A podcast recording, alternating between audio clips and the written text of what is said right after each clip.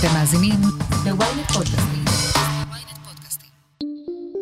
זה לא סתם היה אבל לאומי, זה לא רק המספר 73, זה 73 לוחמים. 25 שנים עברו מאז אסון המסוקים, האסון הקשה ביותר שידע צה"ל מעודו. 73 חיילים נהרגו ברגע אחד בשמי גבול לבנון, בדרך להגנה על יישובי הצפון. זה אסון ענק לרמטכ"ל, שמאבד 73 לוחמים, ואני שם בקצה. אבל כמובן שאני מאותו רגע נשאבת אל זה. בפרויקט מיוחד אנחנו חוזרים אל הטראומה הלאומית והאישית שמסרבת להרפות גם 25 שנים אחרי, וקשרה לנצח בין גנרלים, חיילים ומשפחות שכולות. את האבל אני כבר אמרתי אותו. מה שמגיע אחרי האבל זה יותר גרוע מכל דבר אחר. זה הגעגועים. אני סיוון חילאי, וזאת הכותרת על הלילה שנפלו השמיים, והפעם החלק השני, היום שאחרי. עלינו על האוטו שאיתו הגענו לאסון. היה כבר אור יום מאוד מאוחר.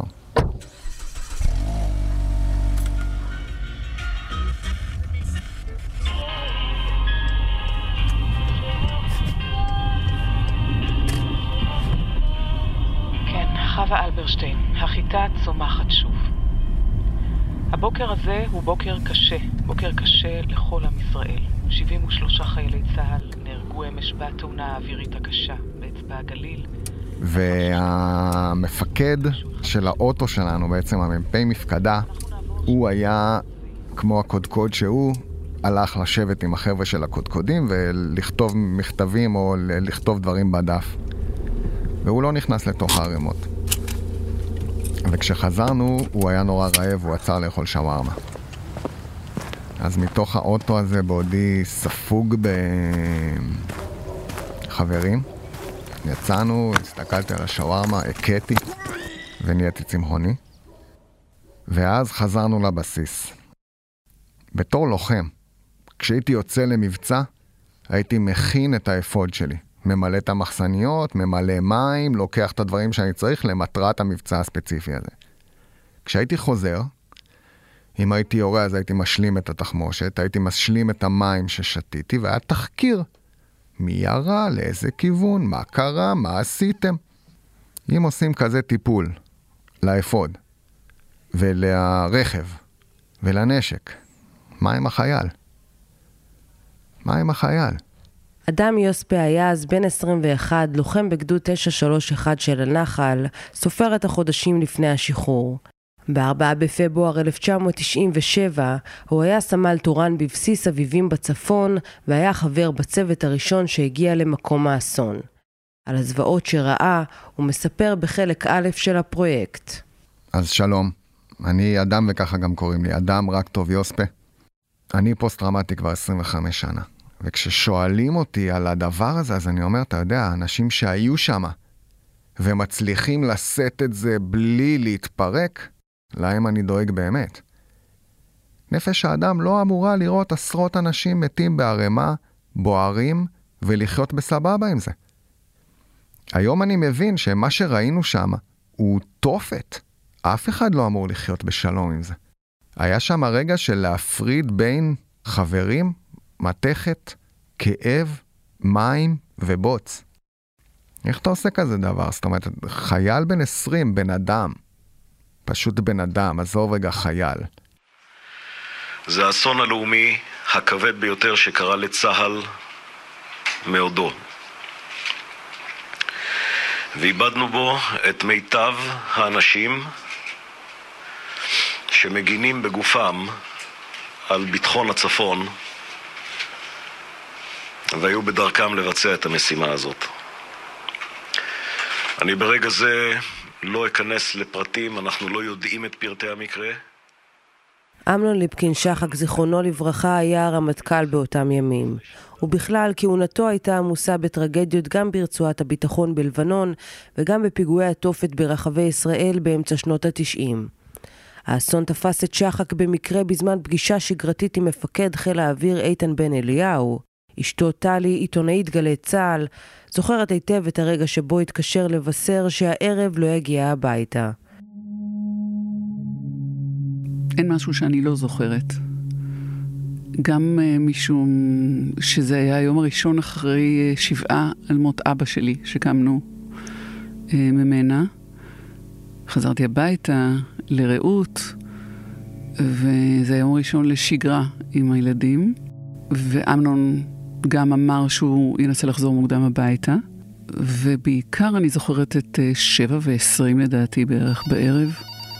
כשהטלפון, טלפון קווי כזה מפעם, במטבח, מצלצל, ואמנון אומר לי שהוא לא יבוא מוקדם הביתה. ובעצם במילים קצרות ספורות, אבל מאוד ברורות, אה, מספר לי שקרה אסון, ושכל מי שהיה על שני המסוקים נהרג.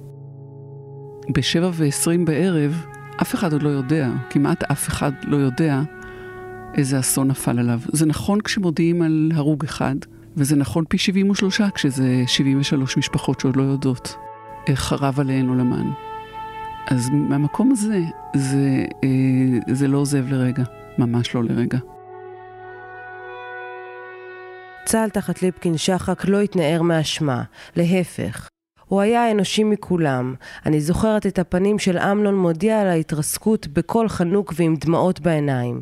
בשבילי זה היה מישהו שחיבק אותי דרך המסך.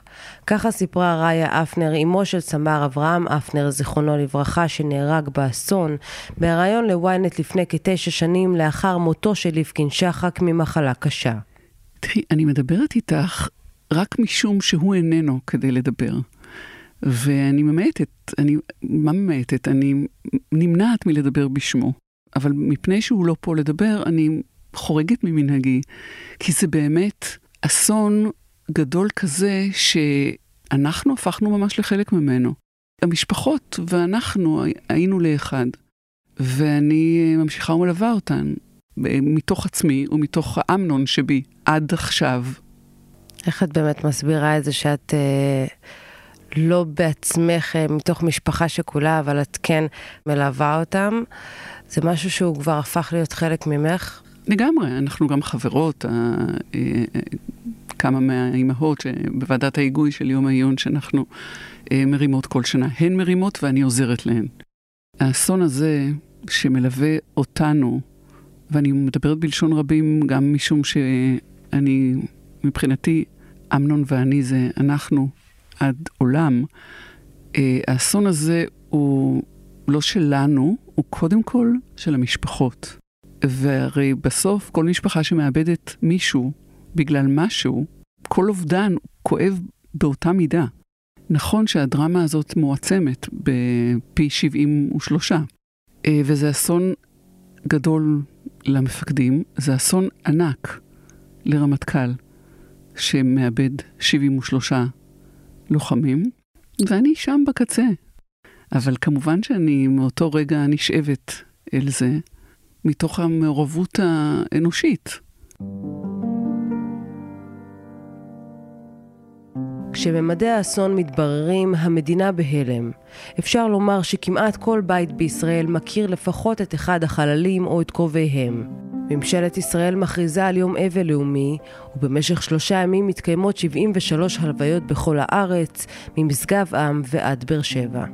עמירם לוין, שהיה אלוף פיקוד צפון בזמן האסון, מסביר מה היה מיוחד באותו יום אבל. בוא נתחיל מזה שבאמת זה לא סתם היה אבל לאומי, זה לא רק המספר 73, זה 73 לוחמים, אנשים שבעצם מראש, בעצם התפקידים שלהם, וזה לא משנה אם זה לוחם בשריון, או בגולני, או טייס, אנשים ש...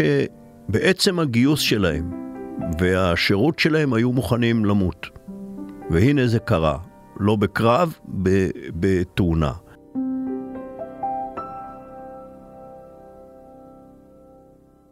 ולכן האבל הזה היה נוראי.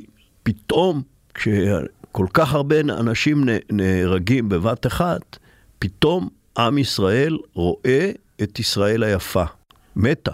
אבל את ישראל היפה, את הדתיים והחילוניים, את בני הכפר, את בני העיר, את אה, בני אה, המעמד הסוציו-אקונומי הגבוה והסוציו-אקונומי הנמוך, כולם ביחד במשימה אחת בתוך לבנון, להגן על יישובי הצפון. אז איך חוזרים לשגרה אחרי אסון כזה?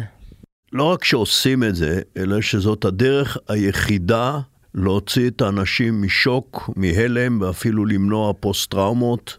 מהר ככל האפשר לחזור למציאות. קודם כל זה טוב לחיילים ולאנשים שלנו. והדבר השני, אין לנו הנחות מהחיזבאללה. זה שקרה לנו אסון לא עוצר את החיזבאללה מלנסות לפגוע בחיילי צה"ל, מלנסות לחדור ליישובי הגליל, אה, ולכן יש לנו משימה. למפקדים יותר קל, כי יש להם את האחריות, והאחריות מסיחה את דעתם מכל רעשי הרקע. לחיילים יותר קשה, אבל בשביל זה יש מפקדים, שיהיו איתם. למזלי, אחד הקצינים בתוך היחידה, קראו לו ראובן סטרול, והוא בן אדם, פשוט בן אדם. הוא לקח אותנו, העמיד אותנו אה, מול חבית, ושרפנו את כל מה שלבשנו. אה, היום אני יודע להודות על הטקס הזה כמעט בתור טהרה. כי שרפתי את המדים שלי שהיו ספוגים בחברים ושרפנו הכל. טראומה לא נשרפה. טראומה בוערת עדיין. אני כבר מאוד מנוסה בלדבר על זה ולהיכנס ולצאת מהאש. אבל יש אנשים שחיים בתוך האש הזו. והם עוד לא יודעים איך לצאת ממנה. פוסט-טראומטיים. בואו נהפוך את זה רגע לפשט, בסדר? יש אנשים בתוך הפוסט-טראומה שלא מצליחים לחיות. הם שוכבים בבית ולא מצליחים להתגבר על, על הדברים שהם עברו עליהם. המון, המון מהחברים שלי פשוט לא מצליחים להסתדר בעולם בקטע לוגיסטי. צועקים עליהם בעבודה, דברים שקורים, אתה יודע, כאילו אתה עובד בתור, אה, לא משנה, מלצר, ברמן או whatever, כאילו מישהי באה במצב רוח לא טוב וזה, או לחילופין הטבח היום עצבני או whatever, זה דבר שיכול פשוט לשרוף את הבן אדם והוא הולך. אמירם, מה למדת מהאסון הזה? מה שלמדתי זה אחד שכל משפחה מעבדת, מעבדת בעין את האבל שלה בדרך אחרת. שהאלף בית של ההורים, שזה להגן על הילד שלהם, לא יתגשם.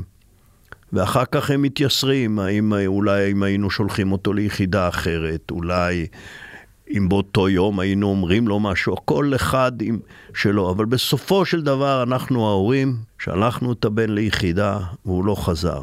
זה רגש נוראי מעבר לגעגוע ו- ולעצב. והתפקיד שלנו הוא לראות האם אנחנו יכולים להוריד גרם מהמסע הזה ולהעביר אותו אלינו, ולקחת אחריות, לא לטייח, לספר להם בעיניים את מה שהם רוצים לדעת, ומה שהם רוצים לדעת, לא מה שאנחנו רוצים שהם ידעו.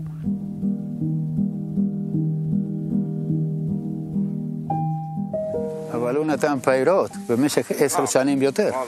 אבל איך אומרים? יש עדיין תאנים מפה כל מקום. דרך אגב, טעימים מאוד. אה, אה, היה עונה. את רוברטו הופמן, אבא של אלה, זיכרונו לברכה, פגשנו באנדרטה המרשימה שהוקמה לזכר החללים במקום התאונה בשער יישוב. רוברטו גר כבר 36 שנים בגליל העליון, 25 מהן ליד המקום שבו נהרג בנו. כל פינה פה באנדרטה יש לו את הדבר משלו במיוחד. אנחנו בין, בין 73 אבנים. ומה אם אנחנו רואים את השמות? השמות פה, השמות זה השמות של כל אחד. כולם מתחת למים, כי המים זה אנחנו, את, אני, כולנו, כל אחד שבא לפה. האנדרטה נחנכה בשנת 2008 והוצבה בצורת מסוק. במרכזה בריכת מים עגולה שבתוכה שמות הנופלים. מהבריכה יוצאים שבילים כשבינם מוצבים 73 אבני גיר בגובה אדם.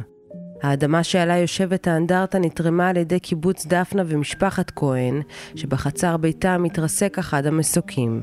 מחצית מסכום הקמת האנדרטה נתרם על ידי האוליגרך לשעבר, ארכדי גיידמק. אלפיים ומשהו איש מגיעים כל שבוע פה. סופי שבוע בכלל, ואם זה קיץ, זה שיירה.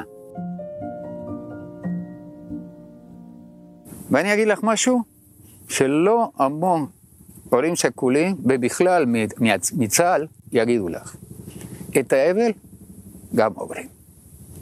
את האבל אני כבר אמרתי אותו. מה שמגיע אחרי האבל, זה יותר גרוע מכל דבר אחר. זה הגעגועים. בזמן עושה שלו, שמעת את המשפט הזה, נכון? אוקיי, בעניינים האלה הוא עושה לרע, לא לטוב. כי הגעגועים גודלים וגודלים אין סוף. זה לא נהיה קל יותר. לא, זה לא עניין של להיות קל או לא קל. זה נהיה אחר. אני חייתי איתו, או הוא חי איתי 19 שנים, כמעט 20.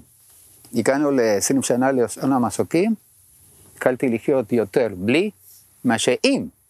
יש זיכרונות מהזיכרונות שלי בלי עלה. אין איזון שם. מתחיל להיות אפילו מפחיד. ואף על פי זה, אני בן אדם חיובי. אז איך באמת אה, מצליחים לקום מאובדן כזה?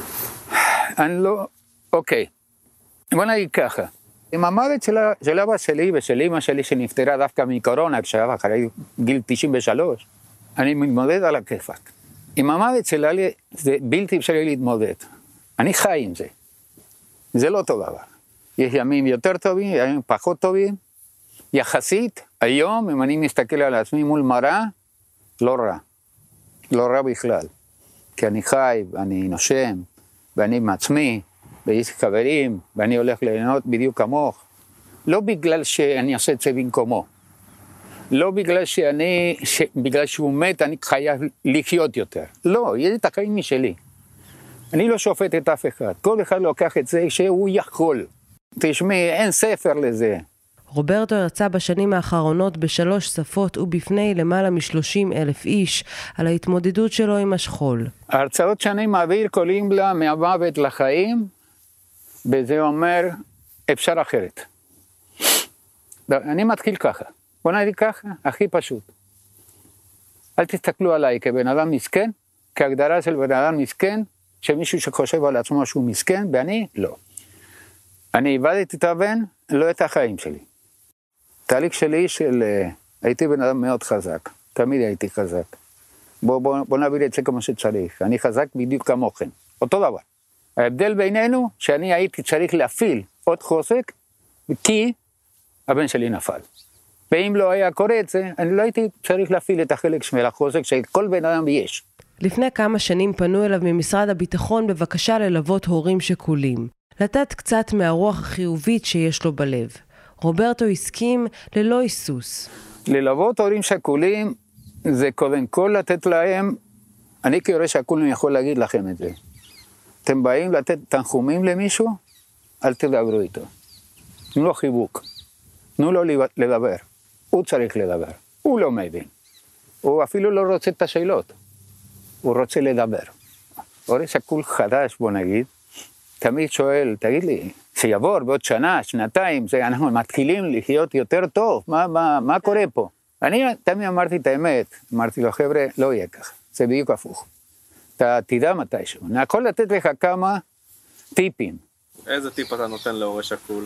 הטיפ הכי גדול. תזרום, תזרום מזה, תזכור אותו לתמיד. תנסה לא לקחת לעצמך שאתה אשם מזה. אז בהתחלה, להגיד לך שאני לא לקחתי אשם? בטח שלקחתי אשם. גם אני לקחתי אותו לארץ. יעני, בוא נגיד, לא באופן טבעי נולדנו פה. אז את ההרגשה של השם, יש לך אותו. ואתה חייב להוציא את זה ממך, כי אני לא הרגתי אותו. ההפך, אני באתי לפה כדי לתת לו עתיד טוב יותר. אבל יש שנייה כאלה להגיע לעולם הזה, ויש שנייה כאלה לצאת ממנה. לא בוחרים את הראשון, לא בוחרים את השני. מה המשמעות? תחיה ביניהם ותהיה כמה שיותר מאושר. חוסר זה מילה שאני, כאילו, היא לא ממש משקפת בעיניי, בטח לא את החוויה של היתמות שלי, פשוט כי, כי חוסר זה המצב, ה... זו ברירת המחדל שלי. כאילו, בברירת המחדל שלי אין לי אבא. ניצן מועלם הייתה בת שנתיים ועשרה חודשים כשאבא שלה, סגן אלוף משה מועלם, נהרג באסון. יש לי יותר חוויה של תקווה שזה לא היה ככה, או תקווה שהוא היה. בשביל שאני ארגיש חוסר, הייתי צריכה קצת להרגיש שיש לי משהו, והחוויה הזאת שיש לי משהו היא חרוטה בי, היא מסומנת בי, אבל היא לא מספיק במודע שלי, ולכן כאילו אני מרגישה ש... בהחלט רגעים שהייתי רוצה אותו, רגעים שהייתי מרגישה איזה באסה, אה, כזה מין אה, פספוס, רגעים שהייתי מרגישה תסכול שהוא לא נמצא בהם. אבל גם יש הרבה רגעים שכאילו, העובדה שהתייתמתי בצבא, ו... שאבא שלי נהרג בצבא, כאילו, זימנו לי גם הרבה רגעים של אם כבר אז כבר, כאילו, הרבה מפגשים מרגשים עם אנשים, הרבה הזדמנויות מרגשות. כשהגיע יום הגיוס, ניצן בחרה ללכת בעקבות אביה והתגייסה לגולני כמש"קית ת"ש. הגיוס שלי לגולני זה איזו חוויה משותפת עם אבא שלי, אבל זו גם חוויה משותפת שלי עם עם אבא שלי שהוא גולני מבחינתי, כי מהיום שהוא נהרג אז הקצינות מאוד ליוו אותנו, והצבא מאוד ליווה אותנו, וכל החוויות שחוויתי בתוך הדבר הזה, אז כאילו זה יותר אה, במשותף עם החלקים שלי יש, שאני חווה אותם כאבא שלי. החיים שאחרי המוות מחוללים לפעמים הפתעות ממקומות לא צפויים. ניצן מספרת שאיך שלא נהפוך את זה, המוות של אבא שלה הוביל אותה בעקיפין לבעלה יעקב. באחת השמירות שלי יעקב פשוט הגיע לבסיס, הוא הקפיץ חבר אה, לבסיס, וחיכה לו כמה זמן, כי הם היו צריכים לחזור הביתה באותו היום, ואמרתי לו שהוא לא יכול להיכנס פה על אזרחי, ושישב להעביר לי את השמירה. באמת, כאילו, משם זה התגלגל לחופה, וכאילו החיבור הזה ש... שכאילו אפילו כשאבא שלי לא נוכח, אז הוא מאוד מאוד נוכח, והוא מאוד משפיע, והוא מאוד מכוון את הדברים. את חושבת לפעמים מה היה קורה אם הוא היה כאן?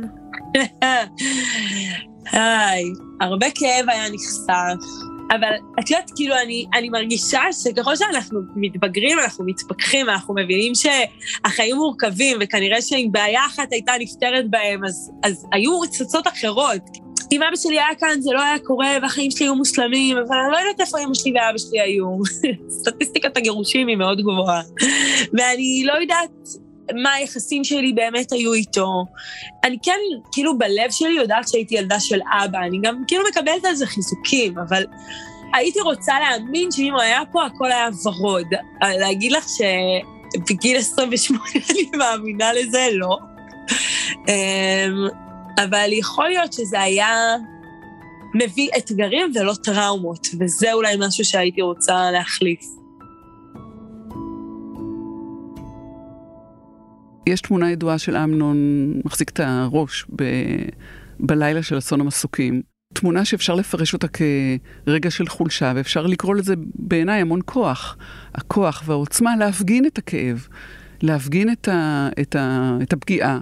זה בסדר, גם כשאתה רמטכ"ל, וגם כשאתה סגן, וגם כשאתה סמל, זה בסדר שאתה גם כאוב ואתה אומר את זה. אני, אני לא חושבת שמישהו מאמין בסופרמנים, או רוצה, ש... אני לא הייתי רוצה שהמפקדים של, אה, של צה"ל אה, יהיו סופרמנים.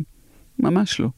כשאתה זה שלוקח את האנשים, ואחר כך מחזיר אותם אה, אה, מתים או פצועים, אל, ה... אל אימא שלהם, ואל אבא שלהם, ואל האישה שלהם, ולילדים שלהם, ואל יקיריהם, אה, אתה, אתה לא נשאר אה, אה, שלם. משהו ממך מת אולי עם כל אחד מהם, מה שלא אומר כלום על שמחת החיים ועל האמונה בחיים ועל היכולת להמשיך. להפך, אולי זה אפילו מחזק. אבל ברור שזה פוצע, זה מצלק כל אחד. אני לא חושבת שהוא מיוחד בזה. אני השתחררתי מהצבא, לא יודע. והלכתי ועשיתי את המסלול הישראלי בשיא הכוח, הייתי על הקצה 15 שנה בהדחקה. 15 שנה לא הייתי מודע לזה שיש לי פוסט-טראומה. זאת אומרת, לפני עשר שנים בערך ישבתי עם גיסי לשיחה לא קשורה בכלום, ואמרתי לו, אתה יודע, הפעם האחרונה שראיתי אותך בוכה, היה כשארז גרשטיין נפטר, איזה תת-אלוף כזה גיבור. ואז הוא אמר לי, כן, בסדר, ארז גרשטיין, אבל אתה יודע איך אתה נראית באסון המסוקים? הרמתי אליו את הראש, אמרתי לו, אני? באסון המסוקים? מה זאת אומרת? מסתכל עליי, מסתכל עליו, אנחנו מתחילים לדבר, ושעה וחצי אחרי זה אני זוכר הכל. בעשר שנים מאז שאני מודע וזוכר, אז אני זוכר ואני רואה את זה. בעיקר בלילה כשהתת מודע מחובר, סיוטים, לא ממש ישן טוב. כשכן, אז אלה פרקי זמן קצרים, עוררות מוגברת, דריכות, ויסות חושי. נכנסנו לאולפן, נהיה לי מאושר, כי שקט פה. אני בבית, 90% מזמן הערות שלי, עם אוזניות מבודדות רעש. אה, וואו. קודם כל, קודוז לאשתי, היא זו שמשלמת הכי כבד על הפוסט-טראומה שלי.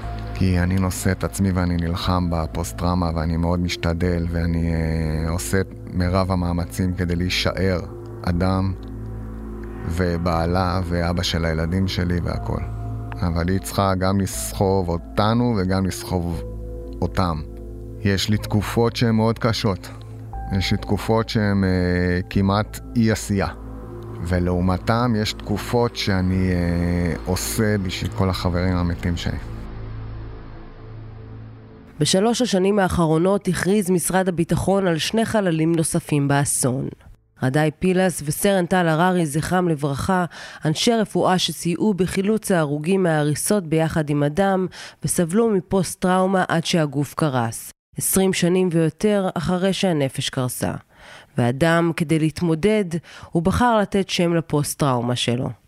אגב, גם בפייסבוק, גם באינסטגרם, האשטאג יש לי פסטרמה עם underscore, אה, ייקח אתכם למלא פוסטים שלי.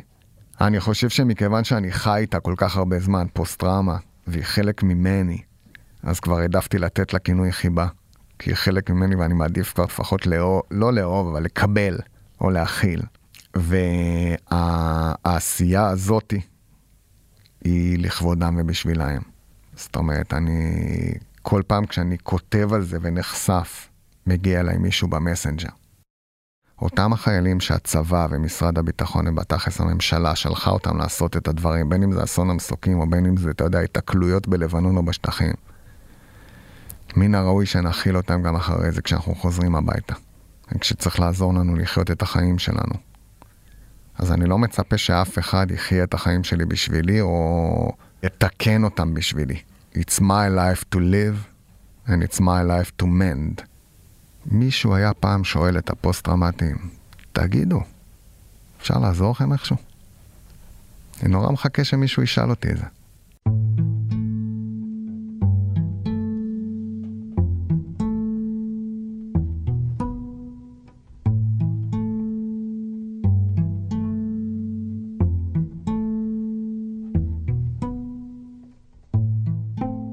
אסון המסוקים היה הראשון מתוך שורה של אסונות צבאיים ברצועת הביטחון בשלוש השנים שיבואו עד הנסיגה החד צדדית מדרום לבנון.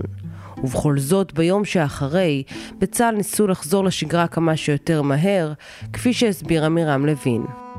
אבל המלחמה התגברה, והיו עוד ועוד הרוגים.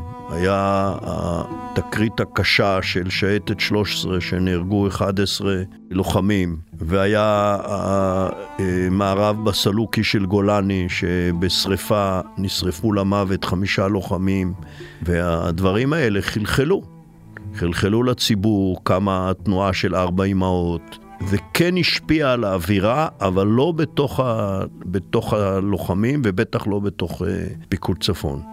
זה היה עוד טריגר שבשלה ההבנה שאולי יש דרך יותר טובה.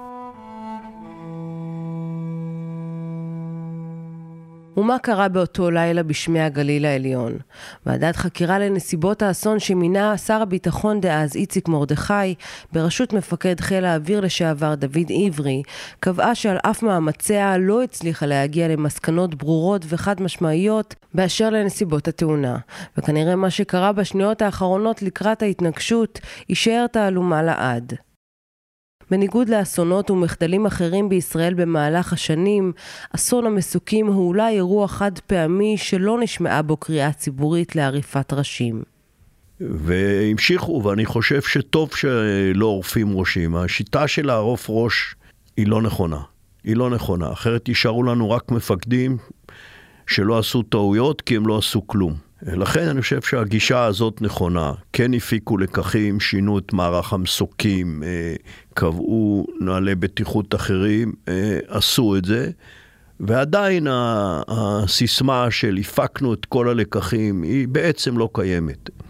אין דבר כזה. הלחימה והסיטואציות המבצעיות מזמנות לך אירועים ושיקולים שקשה לחזות אותם, וקורה לך אסון.